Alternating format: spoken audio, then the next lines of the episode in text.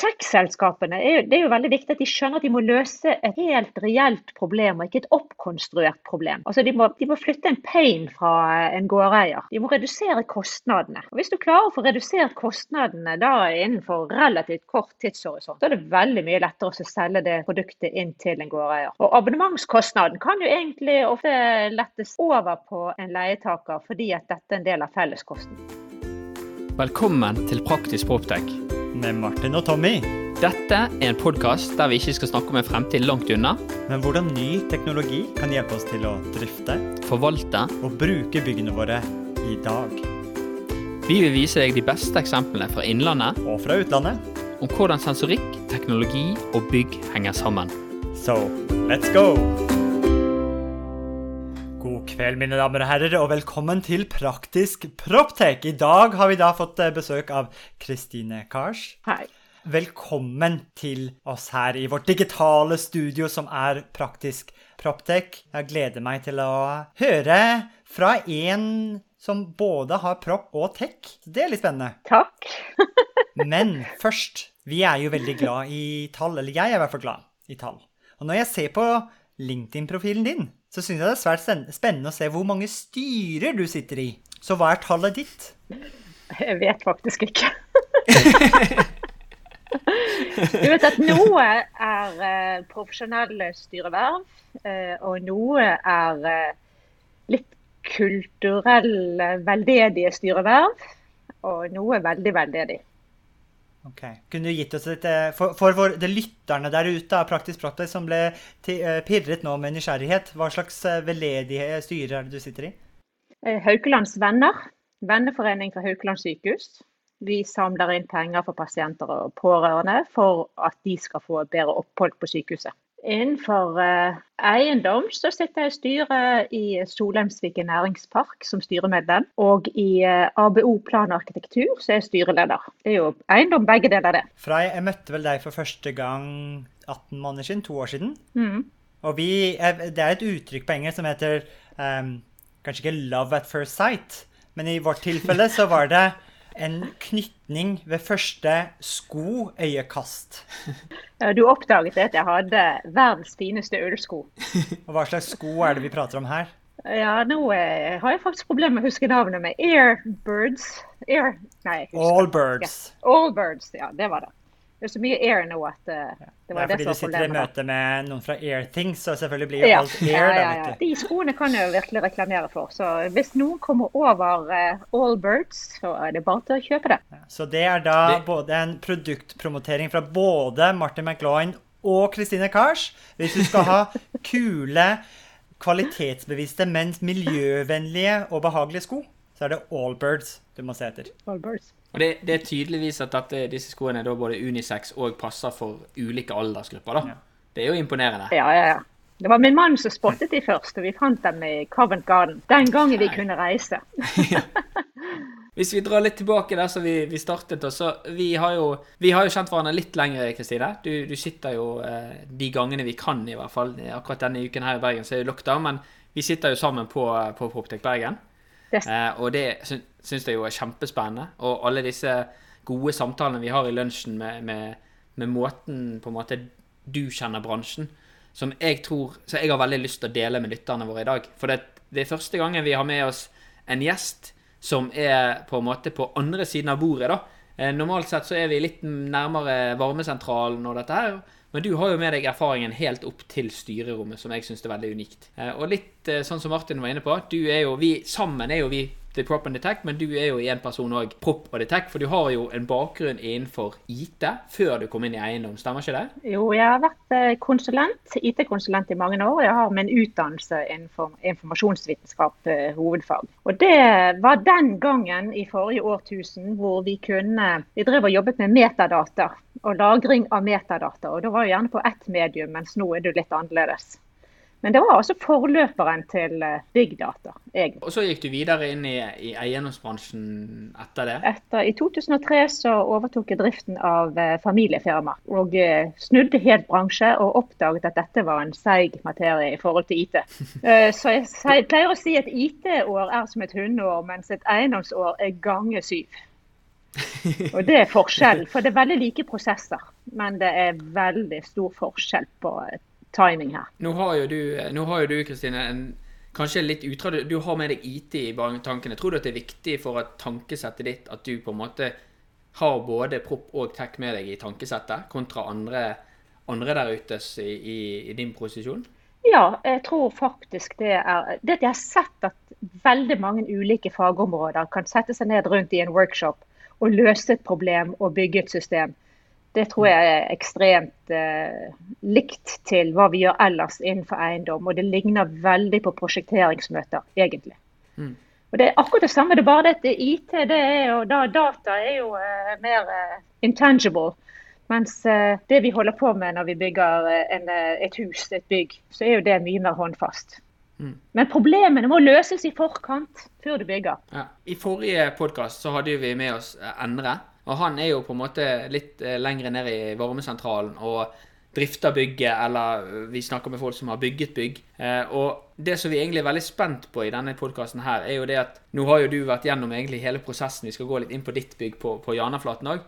Men hva tenker egentlig de litt mer utradisjonelle lytterne våre, da, som gjerne er de som sitter i ledergrupper og styrer, og gjerne litt med dem, dem som ble omkalt for blårussen. Er de, er de, blitt, er de blitt, bitt av Proptec-basillen, de òg? Jeg tror veldig mange syns det er kult, men jeg tror ikke helt de vet hva det er. Men Nå er, nå er, litt, eh, nå er jeg litt kanskje ufin, da, men jeg tror ikke alle vet eh, helt rekkevidden. Jeg har jo selv lært enormt mye etter at jeg satte meg opp på Proptech Bergen. Så det er klart at jeg har jo også gått selv en, en, en hatt en Proptech-reise som, eh, som, du har introdusert meg for. Da. Og som jeg har eh, hoppet på, for jeg ser at dette her er gullet. Jeg har visst hele tiden at jeg må bruke teknologi for å bli bedre. Og det er mitt utgangspunkt, og kanskje også veldig mange andres utgangspunkt, er at de skal ha en ombygging. Og hvordan skal man raskere komme til målet, og rimeligere komme til målet med en god ombygging av en eksisterende eiendom. Eller et annet problemstilling er typisk hvordan eh, skal jeg øke bærekraften på mitt bygg. Så de, de to nøklene der er kanskje der vi kan virkelig være flinke på å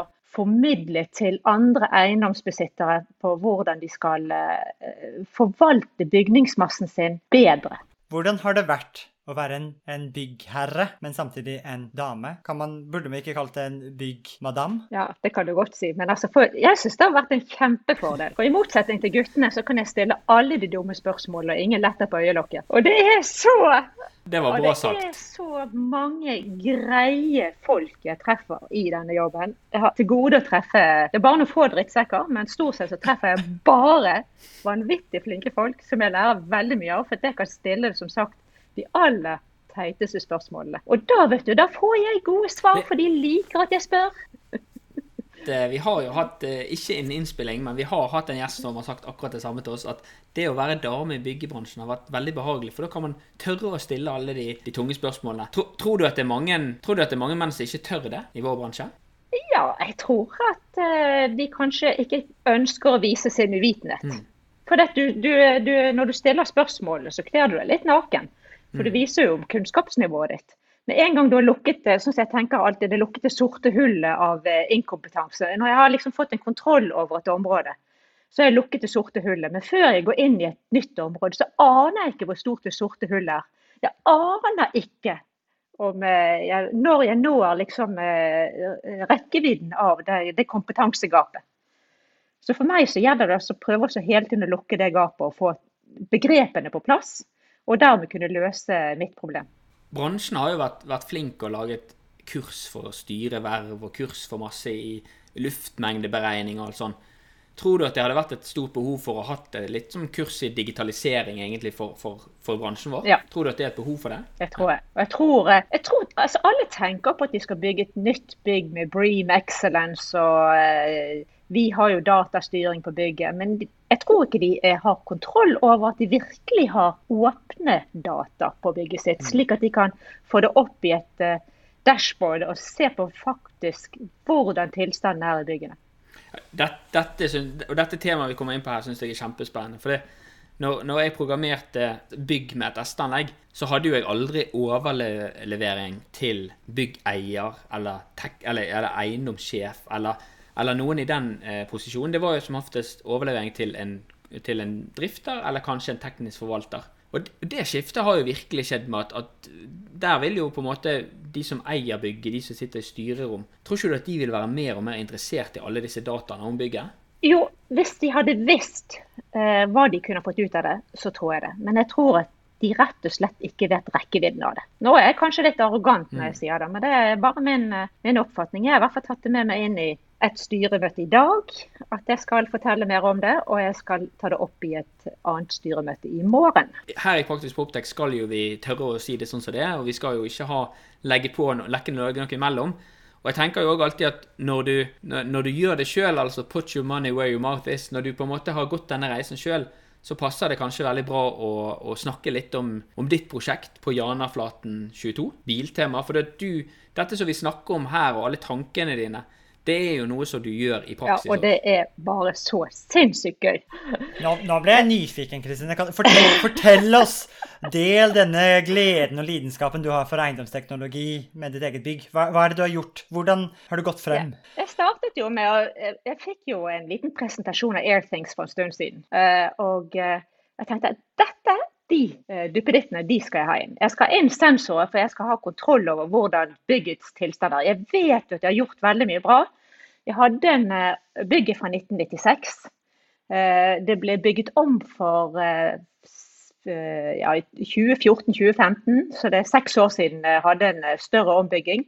Og jeg har gjort mye på etterisolering. Jeg har tatt og ordnet tak. Jeg har eh, ordnet lufte, vann, varmepumpe, for vi hadde for lite strøm på området. Så det er liksom starten min er at jeg hele tiden har lyst til å forbedre bærekraft på bygget. Og så tenkte jeg at nå må jeg bare få innsikt i hvordan byggets tilstand er. Og så har jeg hengt opp da en energidongle, og det har også gitt meg en veldig god forståelse for at der har jeg sanntidsmåling av energiforbruket. Og det er ikke noe man får på en regning etter en måned, men men faktisk vi kan lese energiforbruket sekund for sekund, time for time, og få det opp i uh, et dashboard. Og Når vi uh, sammenligner det med Airthings data over radon, over temperatur, over uh, lys, folk i bygget. Vi har eh, også CO2, vi har eh, TVOC, at vi har avgasser. Og det, dette er jo relevant også for min leietaker, da, som har et eget rom, kjemirom. Okay, wow. Og da når vi ser disse dataene her, vi kan se en temperatur, vi ser f.eks. at et kontor har for høy temperatur, det er for tørr luft.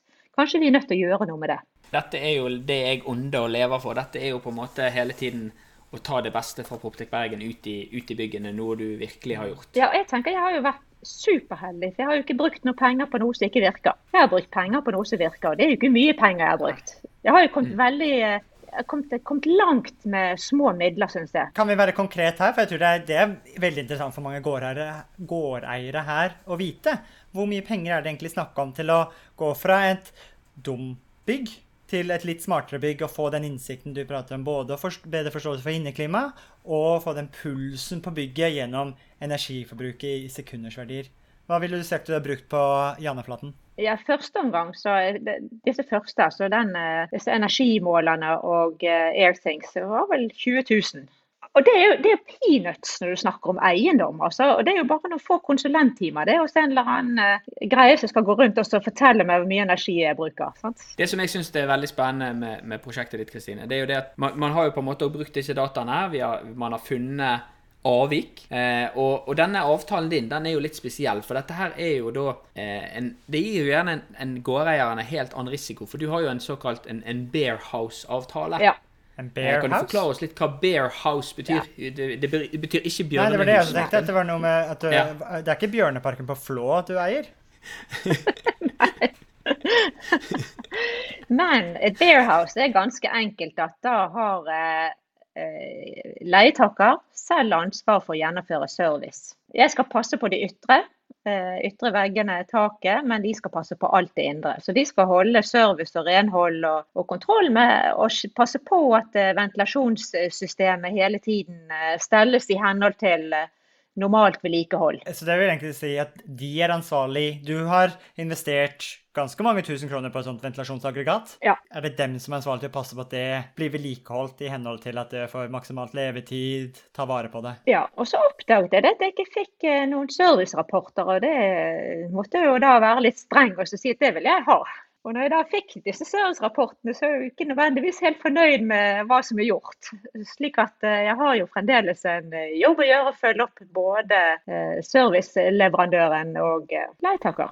Føler du at føler du teknologi kan, kan hjelpe gårdeier med Bearhouse-avtale til å redusere risikoen? Ja, fordi at du kan få en, eh, en, altså du får jo et statusbilde. da. Det neste jeg må jo få mm. si da, det neste som jeg har gjort, bare for å si dette mer om dette statusbildet. For at jeg skal uh, komme litt lenger. I og med at jeg bygget var fra 1996, så hadde ikke jeg noen digitale tegninger. Jeg hadde jo noen oppstrekkinger fra opp, ombyggingen i uh, 2014, så jeg hadde jo for så vidt uh, noen 2D-tegninger.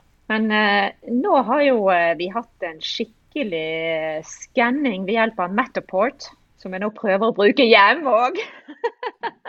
Sindre sitt favoritt Du har hørt på Sindre sin podkast? Jeg hørte på Sindre, eh, lastet ned Matterport og begynte hjemme.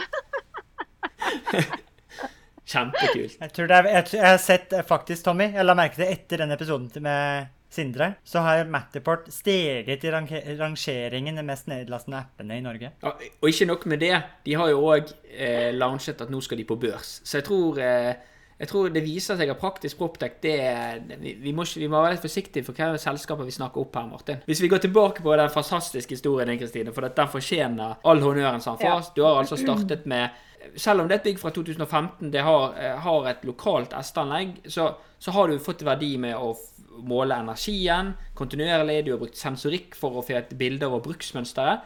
Du har til og med laget en digital tvilling av dette bygget. Ja. Så har jo jeg òg hørt at, at, en av de andre selskapene på Poptic Bergen, nemlig Disruptive Technologies, er neste på, på, planen din nå. Ja, nå må vi starte med litt telling, tenkte jeg. Og da er det telle litt uh, hvem er det som kommer inn døren, eller hvor mange kommer inn den døren. Altså hvor ofte åpnes døren, da. Og så er det kontroll på uh, et kjøleskap, av temperaturen i kjøleskapet. Og så Internkontroll mat, rett og slett? Ja, IK-mat.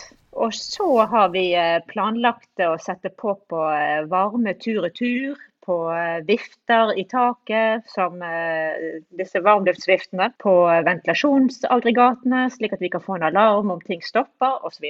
Og så noen vannsensorer om det blir noen lekkasjer. Kan det være veldig greit å ha kontroll på. Nå, nå må jeg egentlig være ærlig og si at jeg nå leker jeg litt naiv, for jeg kjenner jo godt til Disruptive Technologies og sensoren dem, så vi må jo kanskje tydeliggjøre her til våre lyttere òg å beskrive denne teknologien fra et annet norsk tech-selskap.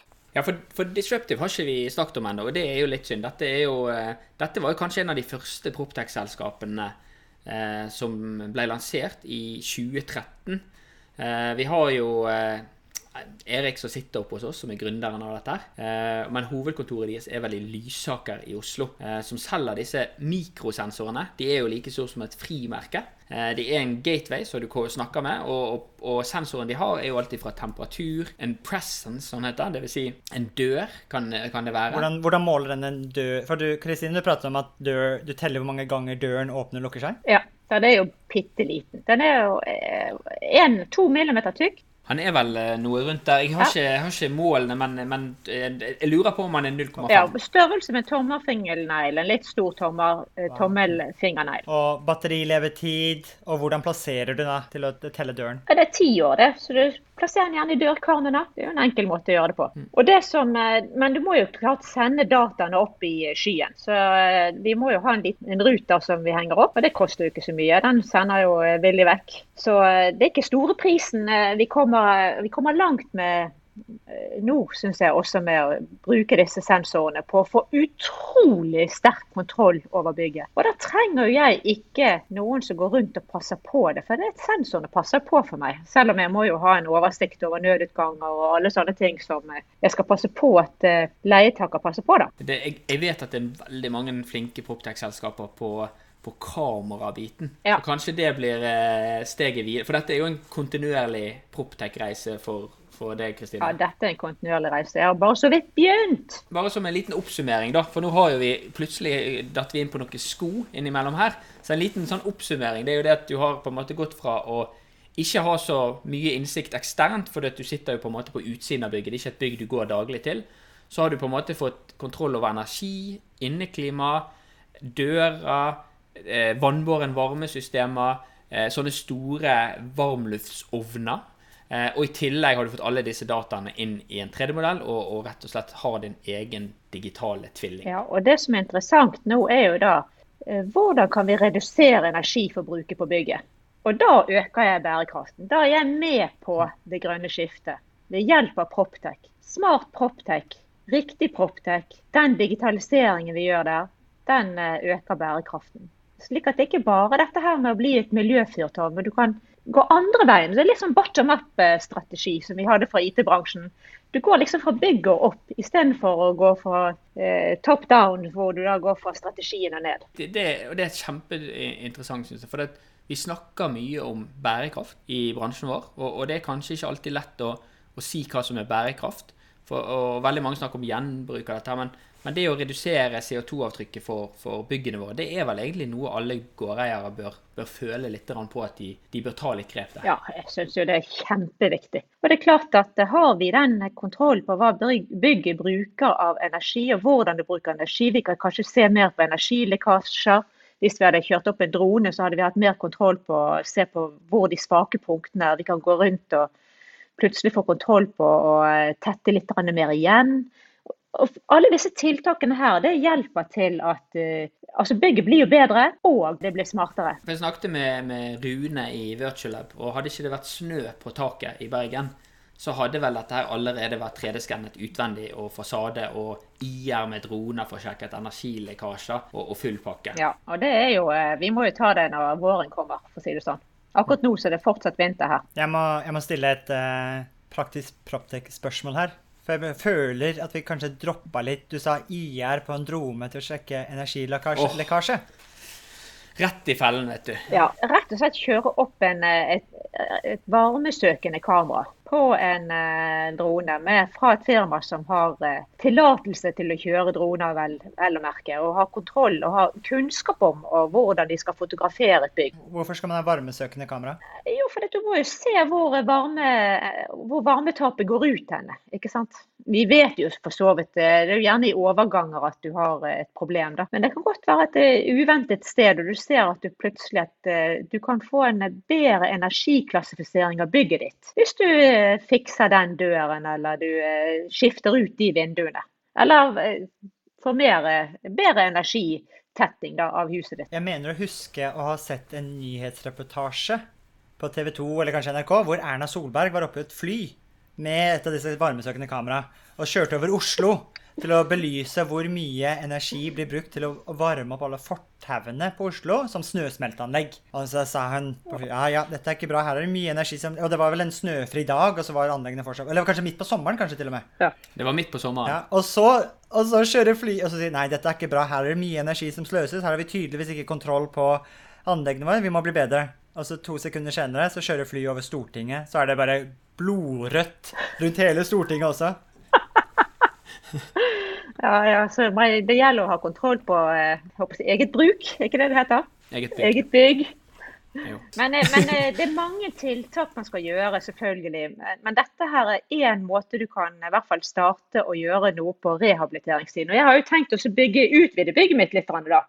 Fordi jeg har en stor tomt og det, det er rom for utvidelse der. Så jeg skal nå i gang med en prosess med kommunen. Men uansett så kan jeg bruke innsikten fra Eh, det som jeg har gjort allerede nå, det som jeg har liggende nå i mitt dashboard, til å være med og planlegge på en smart måte det nye delen av bygget. Dette syns jeg vi må stoppe litt over. For nå har jo du du startet eh, podkasten med å si at, at, det var litt utfordringer med energi og effekter. Og Derfor måtte du investere i, varmepumpe og sørge for å bruke energi riktig. Og så var det òg et bygg fra, som var rehabilitert, det var lite tegninger med det osv. Hvordan føler du liksom nå når du har tatt den Proptech-reisen din? Du har fått inn, du vet jo nøyaktig hvor mye effekt og energi vi bruker til enhver tid. Eh, du har 3D-skannet det og har masse gode eh, digitale dokumenter. Hvordan føler du at den, rehab, den planleggingen av tomt utnyttelse og rehaben nå hadde gått hvis du ikke hadde gjort denne Proptech-reisen? Nei, Det hadde jo vært en eh, stor konsulentjobb. Rett og slett for å samle informasjonen, for å få oversikten og få kontroll på, eh, på situasjonen. Så dette her med å bruke ganske mange eh, timer hos en arkitekt, arkitekt og, og, prosjekterende, så hadde det vært adskillig mer kostbart enn det jeg tror det kommer til å bli. Da. Og nettopp fordi at jeg har nå den digitale tvillingen, hvor alle som skal da være prosjekterende, kan sitte inne og se og planlegge en utvidelse i sammenheng med det jeg allerede har, så tror jeg kommer raskere til målet. dvs. Si rimeligere til målet. Og da har jeg fått en eh, ROI, eller Return of Investment, eh, som eh, jeg tror er ganske god. Og jeg tror det, ja, jeg tror det er liksom det som er hovedgrunnen for at man skal tenke annerledes på Proptech for de som sitter i beslutningssituasjoner i dag. Men da, da vil jo det si at denne dugnadsjobben som jeg og Martin skal gjøre, da må jo vi sørge for å kanskje snakke mer om ROI, altså return on investment, at Proptech er lønnsomt òg, da. Det tror jeg er ganske viktig, og det er da du får gå tilbake til blårussen som vil si ja, selvfølgelig, dette skal vi gjøre. Eh, Mm. Eh, og så kan, kan du jo samtidig vifte med at det er jo veldig kult, da. Og det, jeg tror ikke vi skal skimse av den som en motivasjonsfaktor. For jeg tenker, for meg er det viktig å være nysgjerrig. Og nysgjerrigheten, en driver, der er jo den kulhetsfaktoren. Eh, Det er motivator til å være nysgjerrig. For det er bare sånn vi skal komme oss videre. Men samtidig så er det å ha det forankret, ta på seg den blå russelua også.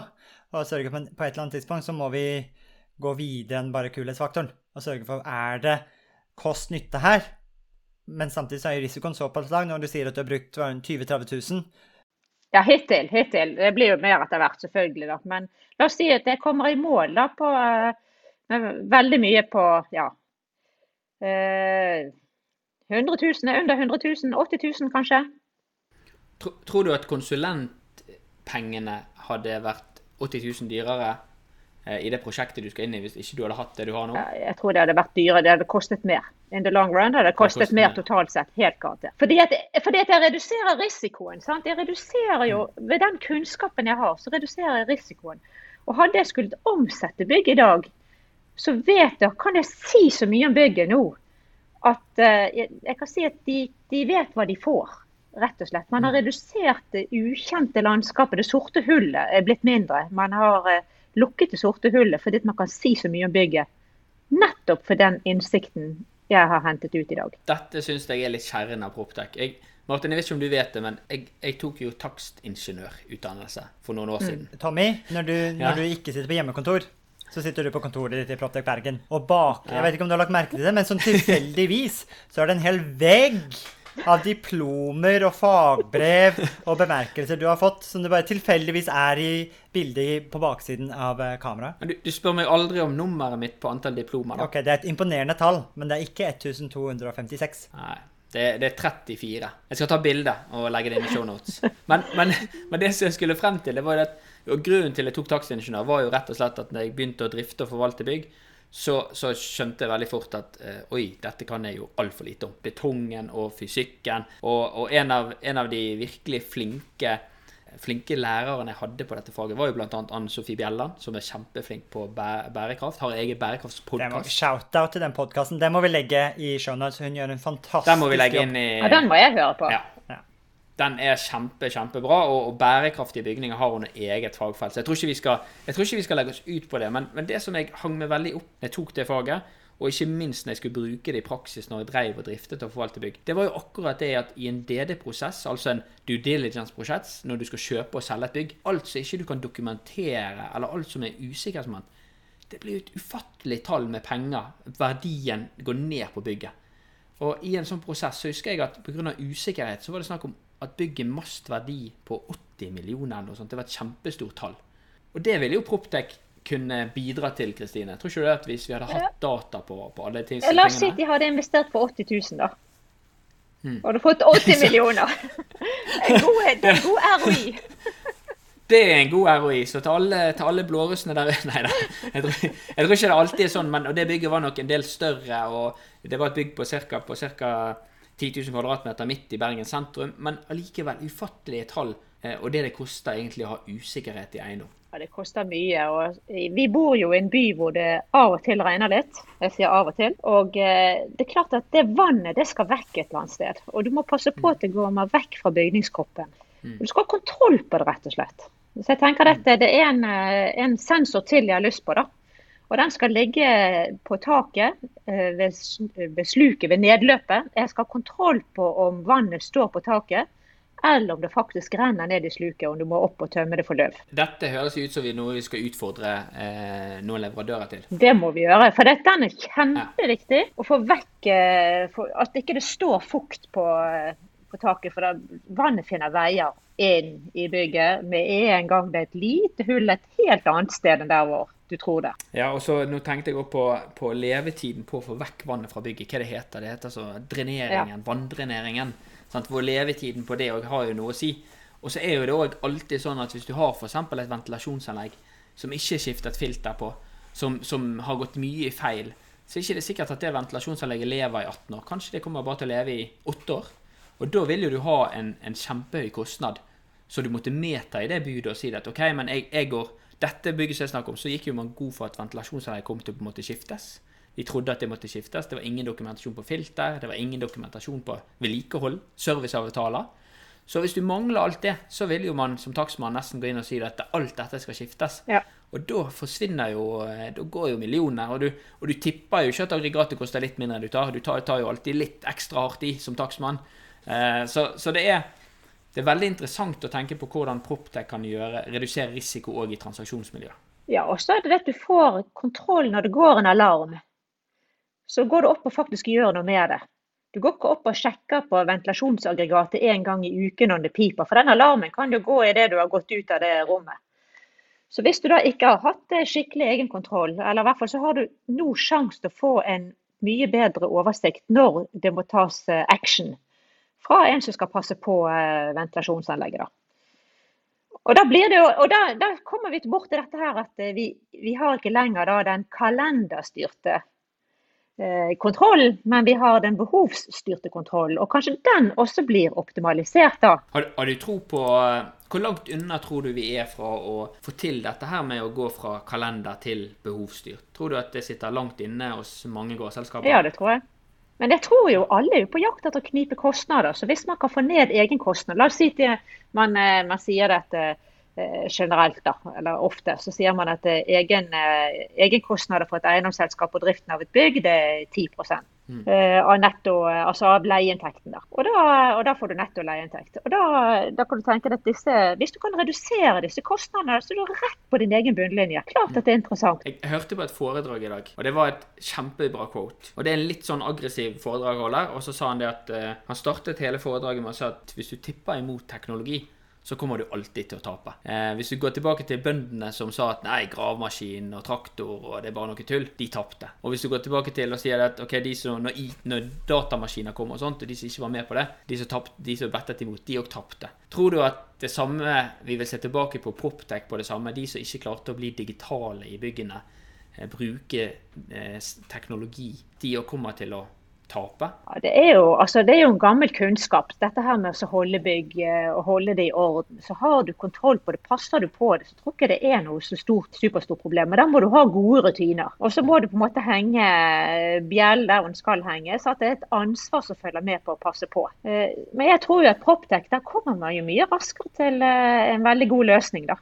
Mm. Og det er jo det som er, det er på en måte mitt, eh, i hvert fall mitt eh, innfallsvinkel. At jeg kan få veldig mye raskere Jeg har fått en helt annen innsikt i hvordan det byggets tilstand er. Og nå kan jeg ta mye mer kraftig action, fordi jeg har faktisk kunnskap. Et bygg er jo avhengig av leietakere. Og vi har jo vært litt inne på bærekraft og smart. Hvor viktig tror du at bygg er smarte, eller om de er smarte, eller om de er grønne, eller om de er bærekraftige? Hvor viktig tror du det er for, for den gjennomsnittlige leietakeren. Kanskje ikke disse kommunale og sånn som må, men for den gjennomsnittlige leietakeren. Jeg tror det er på full fart. For alle skal begynne å rapportere bærekraft. Så hvis de kan få mm. noe fra sin gårdeier på bærekraft, så klart det. Kan de slå seg på brystet og si at der har vi i hvert fall Sjekk, den boksen har jeg klart å fikse. Og så får mm. man passe på sin egen virksomhet. Men det, det er det du vet at uh, din uh, gårdeier, der hvor du leier, ha orden i sysakene, det gir jo en styrke internt. Også for dine ansatte. Og Hvis da gårdeieren etter hvert også får systemer som kan tilbys til de ansatte, slik at eh, de limes enda tettere til deg som er gårdeier, eh, så eh, vinner du som utleier. Mm. Martin, du som er tekken i dette, hva tror du alle tekkere der ute lurer på når vi snakker fra, om dette? Fra gårdeier? Jeg tenker det som, er, mm. det som eh, mange som eh, kanskje sitter i mine sko, som jobber i et proptech-selskap eh, og ikke har et, eh, en proppbakgrunn. Vi må jo forholde oss til å kommunisere med og, og prate med gårdeiere som deg og de som jobber i eiendomsbransjen. Noen ganger kanskje vi ikke helt prater det samme språket. Og du skrev jo nylig en veldig bra artikkel om dette her. Både, som jeg tenkte var både nyttig for gårdeiere og for oss som skal forholde oss til, og hvordan vi skulle kunne posisjonere oss og kommunisere det vi tilbyr til gårdeiere. Hvor du skrev vel at det er en jungel av teknologi der ute. Hvordan skal man velge? Hvordan skal man forholde seg til disse aktørene? Hvordan tror du det å være gårdeier er når det kommer så mange selskaper bankende på døren som skal løse alle problemene? Det er jo veldig vanskelig å vite hvem overlever i morgen. Og i overmorgen. morgen. Hvilken eh, sensorteknologi eh, er faktisk eh, driftet eh, av det selskapet som har utviklet den, om ti år? For du ønsker jo ikke å skifte dette ut hele tiden. La oss si at det ikke kanskje varer så lenge som ti år da, men eh, det vil jo gjerne være riktig at du bruker i hvert fall ti år. da. Jeg hørte en elektriker sa at en eh, elektrisk komponent skal vare i ti år. Det er det som er kravet til den elektriske komponenten. Jeg har jo alltid irritert meg over at jeg må skifte taklamper hjemme, og det nå blir det tredje gangen jeg skifter de her lampene, for dette, de er gått ut over ti år. og det er det samme, da. Man ønsker at ting skal vare, og du ønsker i hvert fall at selskapet skal være levende. Den produsenten. Kanskje Proptech tar vekk noe risiko når vi snakker om den transaksjonen, som vi pratet om tidligere, men samtidig legger på en ny risiko ved at du har med disse nye forretningsmodellene som er abonnementsbaserte og at man eh, betaler en månedlig avgift istedenfor å kjøpe noe hardvare opp front. At man da legger på at man har en operativ risiko på disse teknologiselskapene skal kunne eksistere. Ja, og det er klart at det er jo en eh, risiko, men da koster det kanskje den risikoen så fryktelig mye, da. Så det er verdt å prøve. Og du er nødt til å bli kjent i det landskapet der, eh, og tørre å bli kjent med de forskjellige leverandørene. Men tech-selskapene, det er jo veldig viktig at de skjønner at de må løse et helt reelt problem, og ikke et oppkonstruert problem. Altså de må, de må flytte en pain fra en gårdeier. De må redusere kostnadene. Og Hvis du klarer å få redusert kostnadene da innenfor relativt kort tidshorisont, så er det veldig mye lettere å selge det produktet inn til en gårdeier. Og Abonnementskostnaden kan jo egentlig ofte lettes over på en leietaker, fordi at dette er en del av felleskosten. Og så må du selvfølgelig lette Samtidig bare én ting til, da, Martin, før du sier noe. Det er jo det at de skal tenke bærekraft. Hvordan skal en gårdeier faktisk øke bærekraften. Fordi vi er, vi som er eiendomsbesittere i dag, vi må redusere energiforbruket. Og vi må øke bærekraften. Vi må eh, gjenbruke mer, ombruke. Og da hadde Entra nå nettopp en veldig god eh, sak på LinkedIn som, hvor de viste hvordan et bygg de hadde i Oslo, hvordan det ble ombrukt rubbel og bit omtrent. Og det er jo fantastisk. Og det, det er jo den veien vi er nødt til å gå. Alt kan ikke skittes ut hele tiden. For en utfordring jeg har i, i Airting som produktutvikler, er jo at jeg, sluttbrukeren min er ofte de leietakerne. De som er på bygget, som er opptatt av godt eh, inneklima og innemiljø. Og kanskje til en del grad også vaktmesteren som er brukeren dag til dag og skal bruke den dataen vi, vi innhenter og samler og presenterer. Men kunden, de som er beslutningstakerne, og som egentlig i hvert fall fasiliterer betalingen, er jo gårdeierne. Så det er en sånn en liten konflikt av hvem, skal, hvem, burde vi fokusere på til å skape verdi? Er det mot leietakerne å lage et produkt som de Er det mer hensiktsmessig at vi lager et produkt som de nesten setter krav på at ja, hvis vi skal flytte inn på nye kontorlokaler, så vil vi ha denne Proptech-løsningen tilgjengelig? Eller burde vi heller fri til gårdeierne og bygge en løsning som hjelper dem å oppfylle sine krav om ROI og effektiv drifting? Det er et veldig godt spørsmål. da. Men har du happy leietakere, så bytter ikke de leie gårdeier så fort. De flytter seg ikke så fort. Så hvis du er veldig flink med å at leietakerne får oppfylt sine ønsker. Da tenker jeg som gårdeier, så har du en mye mer langsiktig leie. De, de, hopper ikke ut. Og det er veldig mye rimeligere å beholde en leietaker enn å skifte de hvert femte år. Det er ufattelig mye viktigere. Så Dermed så tenker jeg at du skal appellere til gårdeieren for at de skal eh, være fremtidsrettet mot sine leietakere. Men det er klart at en leietaker så det, det er både òg. En leietaker eh, vil jo være veldig kjøpshungrig for å få en dokumentasjon. Men det er kanskje det er fremdeles jeg tenker det er gårdeieren som skal tilby et uh, superprodukt. Det skal være, det skal være konkurransefortrinn, tenker jeg, dette at du har uh, sensorer montert. Og Vi hadde jo en sak i sommer. Jeg fikk et spørsmål. Uh, kan du sende over dataene til meg? For dette er Vi tror ikke at system, vi tror ikke ventilasjonen virker. Og vi sendte over Airthings dashboard. Etter to minutter så fikk han utskrift over siste 14 dagene. Sånn ser tilstanden ut. Sånn er øyeblikkstilstanden. Vi hørte ingenting der. Dette leder meg egentlig litt over på noe interessant. For det, så, litt den, I motsetning til alt det andre vi pratet om. I motsetning til alt annet så har jeg ett i Nei da. Men, men eh, det første jeg tenkte jeg skulle forklare, Martin, det var jo å si at, at det er ingen som hører når du lager air quotes på kamera. men jeg skal ikke jeg, skal, jeg, hadde, Hermetegn, gåsetegn. Ja. gåsetegn, så vi, vi får ta og legge inn quotesene Jeg tror vi setter det i tidsskjema på shownotes, så skriver vi når Martin har gjort et hermetegn. Ja, vi, vi får prøve å gjøre det. Men, men du stilte jo et spørsmål, Martin. Hvem, hvem, hvordan skal man appellere til sluttkunden? Og en ting som jeg har tenkt veldig mye på, det er jo det at jeg har tenkt på det at eh, vi har jo alltid snakket om disse problemstillingene med, med eier og leier og alt sånt. Men hvis ikke, hvis ikke du, Kristine, som gårdeier hadde tatt den investeringen du har gjort, og du, du verifiserer at du har et sunt inneklima og bruker riktig energi, eh, og, og dine tekniske systemer virker bra, tror du at hvis ikke du hadde gjort det, så hadde kanskje leietaker gjort det og kanskje brukt det mot deg? Jeg vet ikke om de hadde gjort det. Jeg har jo en veldig god relasjon til dem. Jeg har en kjempefin relasjon til kunden min. Men det som de sa til meg, da, som jeg syns var veldig hyggelig å høre, var at jeg var eh, en proaktiv eh, utleier. Og det satte de veldig stor pris på. Så dette fikk jo egentlig svaret på at de satte pris på at jeg passer på dem. Mm. Men, jeg, men jeg, så hvis ikke, hvis ikke vi tenker at det er deg som, eh, som gårdeier, men jeg tenker på Si at du hadde hatt et kontorbygg midt i sentrum. Du hadde hatt eh, kommunale leietakere i første etasje. Du hadde hatt eh, private leietakere i andre etasje. Og så hadde du hatt et advokatkontor på penthousen. Og så har du gjerne hatt litt dårlig inneklima.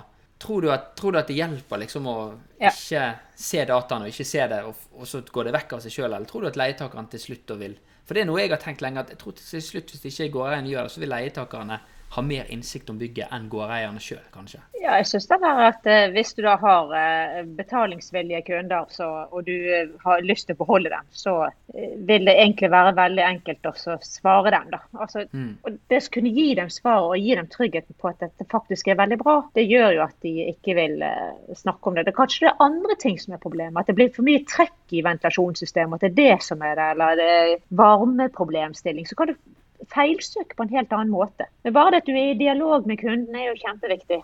Det er jo der eh, nøkkel til eh, gode relasjoner er. Og du skal vite Du skal vite Det var min første lærdom på eh, det første bygget jeg fikk min venneprøve på. da. Eh, Det var jo at du skal vite når doen går tett. Du skal vite det før kunden ringer, at doen er tett.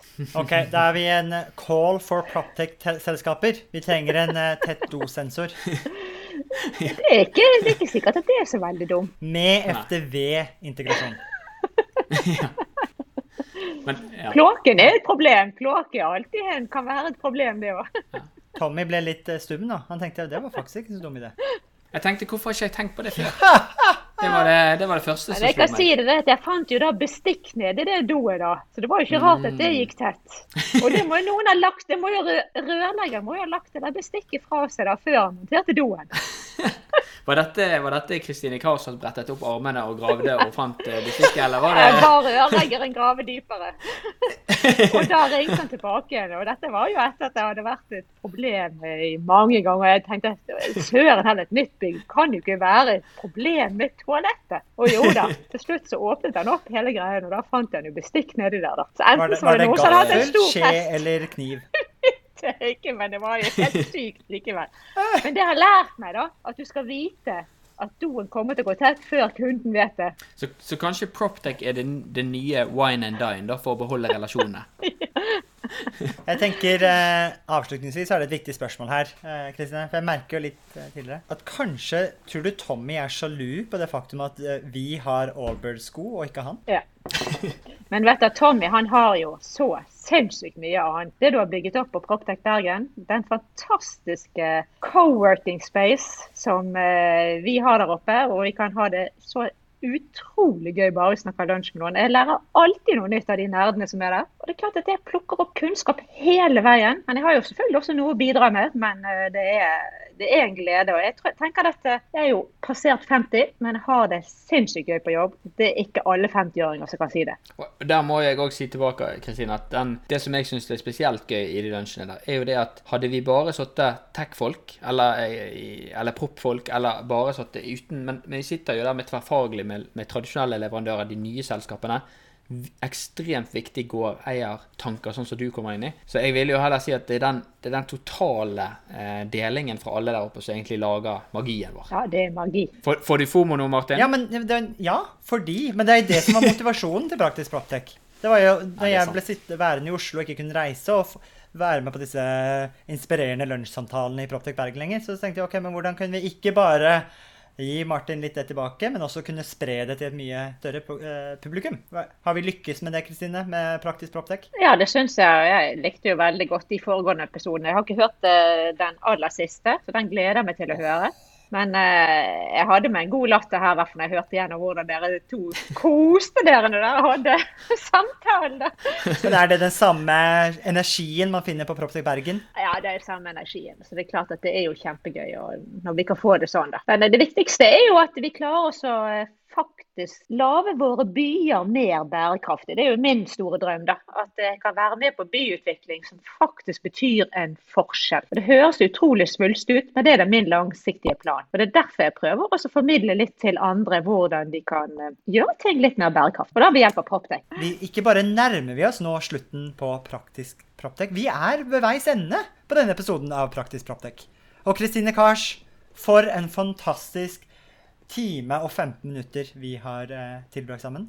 Tusen takk. Ja, I like måte. Dette var gøy. Vi har jo eh, en tradisjon som vi ikke er like flinke til å holde, men vi har en tradisjon her i Praktisk Proptech om å, å spørre våre gjester et avsluttende spørsmål, og det er hva er det snilleste noen har gjort med deg i din oppvekst i eiendomsbransjen? Eller i din karriere? Tja, det snilleste Involverer det en eh, rørlegger og bestikk? Ja, du kan si at Det er mange som har hjulpet meg ut eh, av eh, problemer, selvfølgelig. Det er mange som har gjort det. Så jeg kommer ikke på noe av det, det viktigste, altså noe som jeg vil fremheve, da, men det er jo dette med å løse utfordringer, komme i havn få fornøyde kunder. Det er jo det som er det hele dreier seg om. Og du må, du, jeg som jobber alene er helt avhengig av å ha gode leverandører. Men du kan si dette henger jo grådig høyt det jeg har gjort med Tommy Hagenes eh, nå i det siste.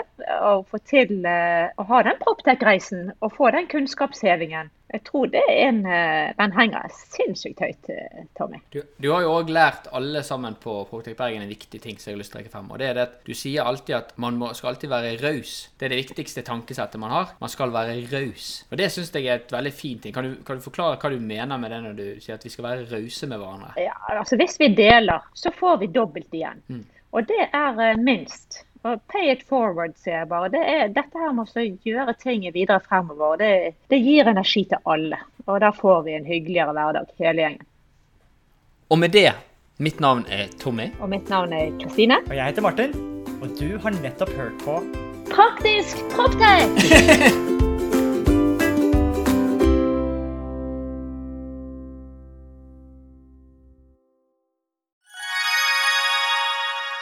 Da dere er 2024 i gang, og et av høydepunktene på starten av året er jo sett sammen et årshjul, og det har vi også gjort, Tommy.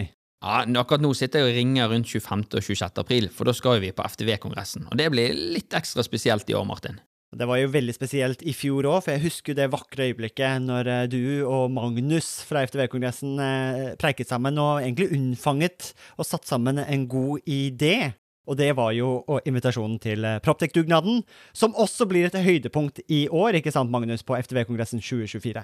Jo, det stemmer det. Vi setter godt med plass eh, i år til, eh, til dugnaden.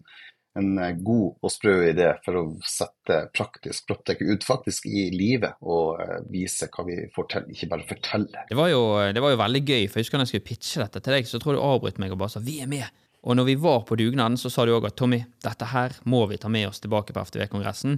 Vi må jo praktisk få dette vekk fra Powerpoint og vise praktisk hvordan vi har gjort det. Og det syns jeg blir litt spesielt i år, at det blir jo for meg en liten reunion av det som skjedde der ute. Men, men eh, FTV-kongressen er vel mye mer enn en, bare en reunion òg?